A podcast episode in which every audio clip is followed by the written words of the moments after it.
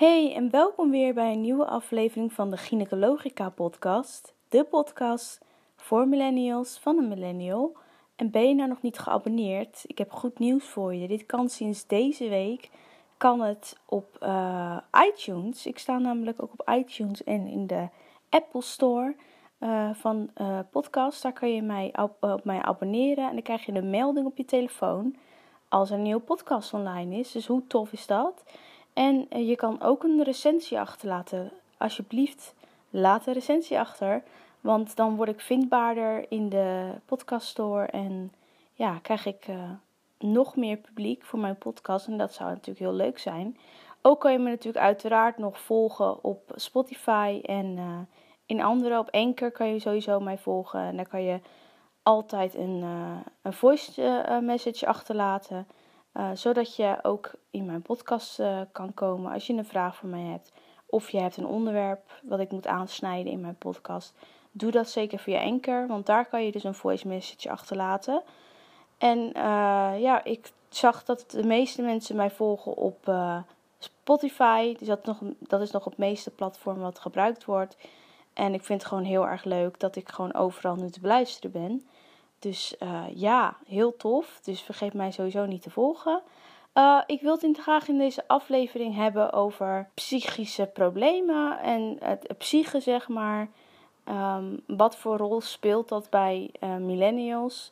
En wat, heb ik, ja, wat voor ervaring heb ik daar zelf mee? En hoe uitzicht dat in de maatschappij? En wat kunnen we hier eventueel aan doen? Of wat is mijn ervaring, wat ik daar ja, wat ik daar zou mee kunnen doen. Um, en mijn ervaring zeg maar delen voor jullie. Uh, maar eerst wil ik graag een nieuw blokje introduceren. En dit is het blokje Speel de Tea.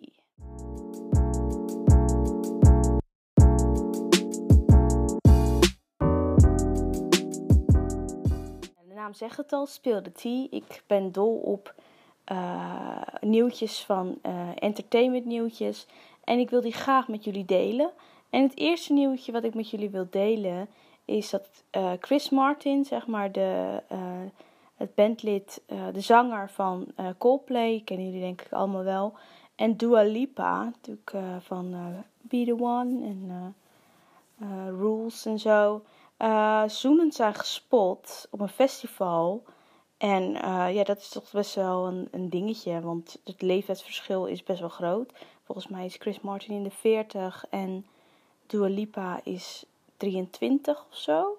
Uh, ja, die zijn uh, zoenend gespot. Dus uh, wie weet wat er nog meer uitkomt. Ik hoop, zou het ook wel leuk vinden als ze misschien een duet zouden opnemen. Dus dat is best wel een nieuwtje wat, wat mij opviel. Ook is natuurlijk de Leeuwinnen zitten in de halve finale. Ja, we zitten in de halve finale van het WK. Nou, hoe tof is dat? Ik moet zeggen, ik ben niet echt een oranje fan. Ik kijk eigenlijk altijd wel met een schuin oog naar die wedstrijden. Maar het is wel heel erg leuk om als Nederland om dan uh, ja, in de halve finale te staan van het WK. Wie kan dat nou zeggen? Dat is uh, best wel een tijdje geleden dat het is gebeurd. Volgens mij was het voor het laatst met de mannen van uh, Louis van Gaal, volgens mij. Toen Louis van Gaal bondscoach was, was stonden volgens mij voor het laatst in de halve finale. Dus dat is wel weer even een, uh, ja, geeft wel weer even een boost voor Nederland. Uh, dat we nu gewoon in de halve finale staan. Met een vrouwenteam. Dat is wel heel tof. Um, en natuurlijk, ja, ik weet niet hoe jullie het hebben ervaren. Maar die hitte deze week in juni was echt. Ik weet niet wanneer je deze podcast luistert. Maar in ieder geval deze week. De week van. Juni, de laatste week van juni. Was echt killing van 23 juni tot en met 29 juni. was echt een hittegolf hier in Nederland. En ik zag dat het in heel Europa was echt, die hele kaart was gewoon rood. Het was gewoon overal echt een hittegolf. Want de lucht kwam uit uh, Afrika en dat bleef heel erg hangen hier. Um, en het was zelfs in Parijs gemeten 44 graden. Daar hadden ze echt was heel leuk om te zien. Hadden ze bij de Eiffeltoren hadden ze de hele fontein uh, volgespoten met water. Zodat al die Parijzenaren daar een beetje konden afkoelen. Want ja, dat, was, dat is gewoon niet te doen. 44 graden in een stad. Dan, dan, ja, dan moet je gewoon een beetje de verkoeling opzoeken. Dus dat was ook een beetje wat deze week speelde. En het laatste nieuwtje wat ik heb is dat de Hills terugkomt. Nou, wie uit mijn tijd komt, een beetje uit het jaar 2006, 7, 8, 9, een beetje die tijd. Keken denk ik wel naar MTV. En daar kwam natuurlijk elke week The Hills voorbij. Nou, The Hills is een unscripted reality serie. En, uh, of een, ja, scripted, unscripted, scripted is het. Het is allemaal natuurlijk in scène gezet. Maar toen ik het keek, wist ik dat volgens mij nog ineens. Dacht ik ook al, oh, wat gebeurt. Hoeveel struggles kan je hebben in het leven? Um, maar dat komt terug na negen jaar, want dat is in 2010 gestopt volgens mij. En het komt nou terug. Er zit helaas geen Lauren en Kristen in, die zeg maar de serie een beetje uh, ja, vertelden, zeg maar. Vanuit hun oogpunt werd het een beetje verteld en die komen helaas niet terug. Maar de serie begint 1 juli, vanaf half acht begint het weer op MTV. En uh, volgens mij zijn Heidi en Spencer zijn weer terug. En nog iemand, hoe heet zij ook alweer? Nou ja, in ieder geval, een paar zijn weer terug. En er is ook een nieuw, iemand bijgekomen. Maar dat is uh, ook zeker de moeite waard om te kijken als je een heel fan bent. Dit was het blokje uh, Speel de Tea. Nu gaan wij over naar het hoofdonderwerp. En dat is, heet Prettig gestoord in je eentje. En ik wil graag even beginnen met een fragment van de Universiteit Nederland. En dit wordt uh, gepresenteerd door Thijs Launchbaus. Dus daar gaan we even naar luisteren. Laat ik beginnen door te zeggen dat dit een fantastische tijd is om volwassen te worden. Er is relatief veel welvaart. Technologie maakt dingen mogelijk die we twintig jaar geleden totaal onmogelijk achten. Iedereen die je kent is de hele tijd oproepbaar. En alle kennis past in je broekzak. Toch is er iets raars aan de hand in deze tijd. Dat is namelijk dat volwassen worden in deze tijd vaak gepaard gaat met gevoelens van eenzaamheid, van angst en van stress. Als jij het idee van jezelf hebt dat je op elk moment de ideale versie van jezelf moet zijn, en je vindt het idee onverdraaglijk dat je daar een keer niet aan voldoet, dan is dat een recept voor stress, burn-out en faalangst. Gelukkig zijn er wel een aantal dingen die we hier aan kunnen doen. Nou, in dit fragment uh, legt hij heel goed uit wat nou een, een burn-out is en hoe dit zeg maar ontstaat en uh, waarom dit zo vaak voorkomt en steeds vaker voorkomt bij millennials. Hij legt het eigenlijk heel goed uit en je kan dit filmpje ook terugvinden bij de Universiteit van Nederland. Het staat op YouTube. Um, en wat mij heel erg opvalt is dat heel veel uh, millennials zeg maar heel erg daar zich voor schamen. Um, of voor, vooral voor psyche.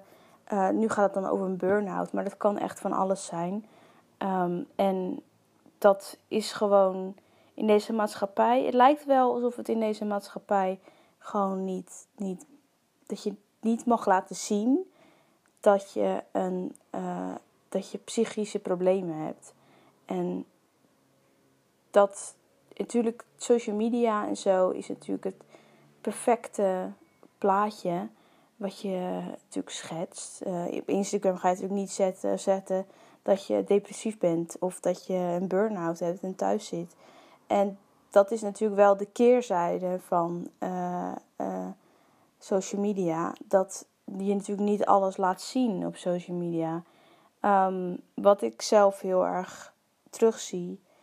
Um, dat, ja, dat dit een soort wordt verstopt of zo. Of dit wordt onderdrukt. En je mag er vooral niet over praten, over psychische problemen. En uh, je mag het vooral niet hebben. Je mag vooral niet een keer verdrietig zijn. Of uh, een keer, als je een keer niks post, een video of zo. Stel je voor, jij bent een social influencer. En jij post een keer geen Instagram foto of geen video. Dan krijg je gelijk iedereen over je heen. Want oh, je hebt even niks gepost. En, en leef je nog wel? Gaat het wel goed? En waarom heb je niks gepost? En we wachten allemaal op je. Je hebt zo'n druk die je altijd hebt om die je altijd ervaart om een soort prestatiedrang, zeg maar. dat je iets moet posten. En dat is best wel uh, op dit moment wat zeg maar, mensen van mijn generatie, denk ik, voelen. En vooral mensen die in de mediawereld zitten, die hebben dat nog meer. Wat mijn ervaring is met uh, psychische gezondheid, zeg maar. Ik ben hier heel erg open over. Ik heb uh, al mijn hele leven uh, ervaring met psychische dingen. Ik heb een, een non-verbale leerstoornis met bepaalde trekken van autisme. en dit klinkt allemaal heel zwaarder dan het is. Maar dat, dat uh, betekent eigenlijk dat mijn informatieverwerking in mijn hersenen soms wat langzamer gaat dan uh, bij uh, andere mensen. En af en toe heb ik gewoon hier wat meer, meer tijd nodig voor bepaalde dingen. Um, dan komt er ook nog eens bij dat ik ADD heb. Dus ik ben super chaotisch en kan totaal niet plannen. nou, dit gaat ook niet echt goed samen. En ik heb sinds mijn veertiende al een eetstoornis gehad heb je nog steeds uh, ja, uh, problemen mee en uh, moet er altijd nog elke dag mee dealen. Um, dus psychische gezondheid is mij sowieso niet onbekend. Um, maar ik ben hier altijd heel erg open over geweest, over psychische gezondheid. Omdat ik, ik vind gewoon dat je hier gewoon geen taboe van moet maken. Omdat je ook, omdat bijna denk ik iedereen, ik denk dat heel veel mensen, niemand is perfect het plaatje wat je op Instagram ziet, dat is maar zo'n klein gedeelte van iemand. Je ziet nooit uh, het gedeelte dat iemand relatieproblemen heeft. Of dat iemand, uh, dat iemand, dat er een dierbaar is overleden pas. En die zet dan gewoon een, een, foto met een glimlach. Van hé, hey, kijk eens hoe goed het met me gaat. Maar achter die glimlach ja, schuilt natuurlijk heel wat anders. En heeft diegene gewoon ja, problemen in, in de privésfeer of op het werk, wat dan ook. En dat um, zie je natuurlijk niet op social media. Dat is gewoon iets wat ik, um, wat mij heel erg, ik heel erg interessant vind. Want hoe kan het dan zo zijn dat mensen van mijn leeftijd, dat ze, die zo erg die druk ervaren, en dat mensen er gewoon onder bezwijken op een gegeven moment. Mensen bezwijken gewoon omdat ze zo erg die prestatiedrang voelen. En zo erg van, oh, ik mag niet, ik mag niet falen, zeg maar, in het, in, in, in, uh, dagelijks leven. Want dan ben ik, uh, dan heb ik het slecht gedaan. Uh, ik vind gewoon dat je er um, open over moet zijn. En ook, ja, dat je dat gewoon bespreekbaar moet maken. Vooral depressiviteit bijvoorbeeld. Dat heel veel mensen, bij, het is bij heel veel mensen nog zo onbekend. En mensen zeggen van, sommige mensen zeggen gewoon van, oh, uh, ga, ga gewoon naar buiten en dat komt dan wel weer goed. Uh, bel een vriend, je kan me altijd bellen. Maar ja, als jij midden, als jij, uh, midden in de nacht, zeg maar, klaar wakker bent en echt er doorheen zit, ga jij niet om vier uur s'nachts iemand bellen.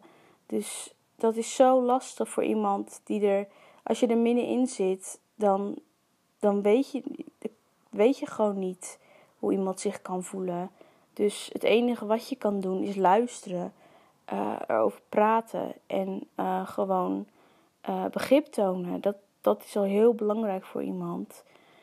daar kom je eigenlijk al als buitenstaander, als je als buitenstaander iemand, met iemand praat over zijn psychische gezondheid en je luistert alleen al maar, dan dat is al heel fijn voor degene die zeg maar niet lekker in zijn vel zit.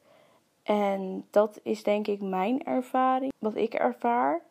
Ehm, wat ik zelf ook heel erg fijn vind, is sowieso um, om met echt iemand over te praten die uh, ervoor geleerd heeft. Dus gewoon om in therapie te gaan.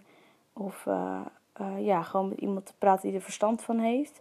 Ik vind dat zelf ook altijd heel leerzaam. Ik heb therapie nooit als iets negatiefs gezien. Ik heb het altijd als iets gezien van, ja, je leert er alleen maar van. Het is ook wel natuurlijk een spiegel die je wordt voorgehouden. Het is niet altijd even leuk. Maar het is ook heel leerzaam. En, en ja, je leert altijd weer dingen over jezelf. Dat vind ik ook heel uh, fijn ervan. En het fijne vind ik ook soms om gewoon met mensen erover te praten die precies hetzelfde hebben als jij. Dus uh, ook gewoon mensen die bijvoorbeeld eetproblemen hebben of uh, mensen die een leerstoornis hebben bijvoorbeeld of mensen die ADD hebben.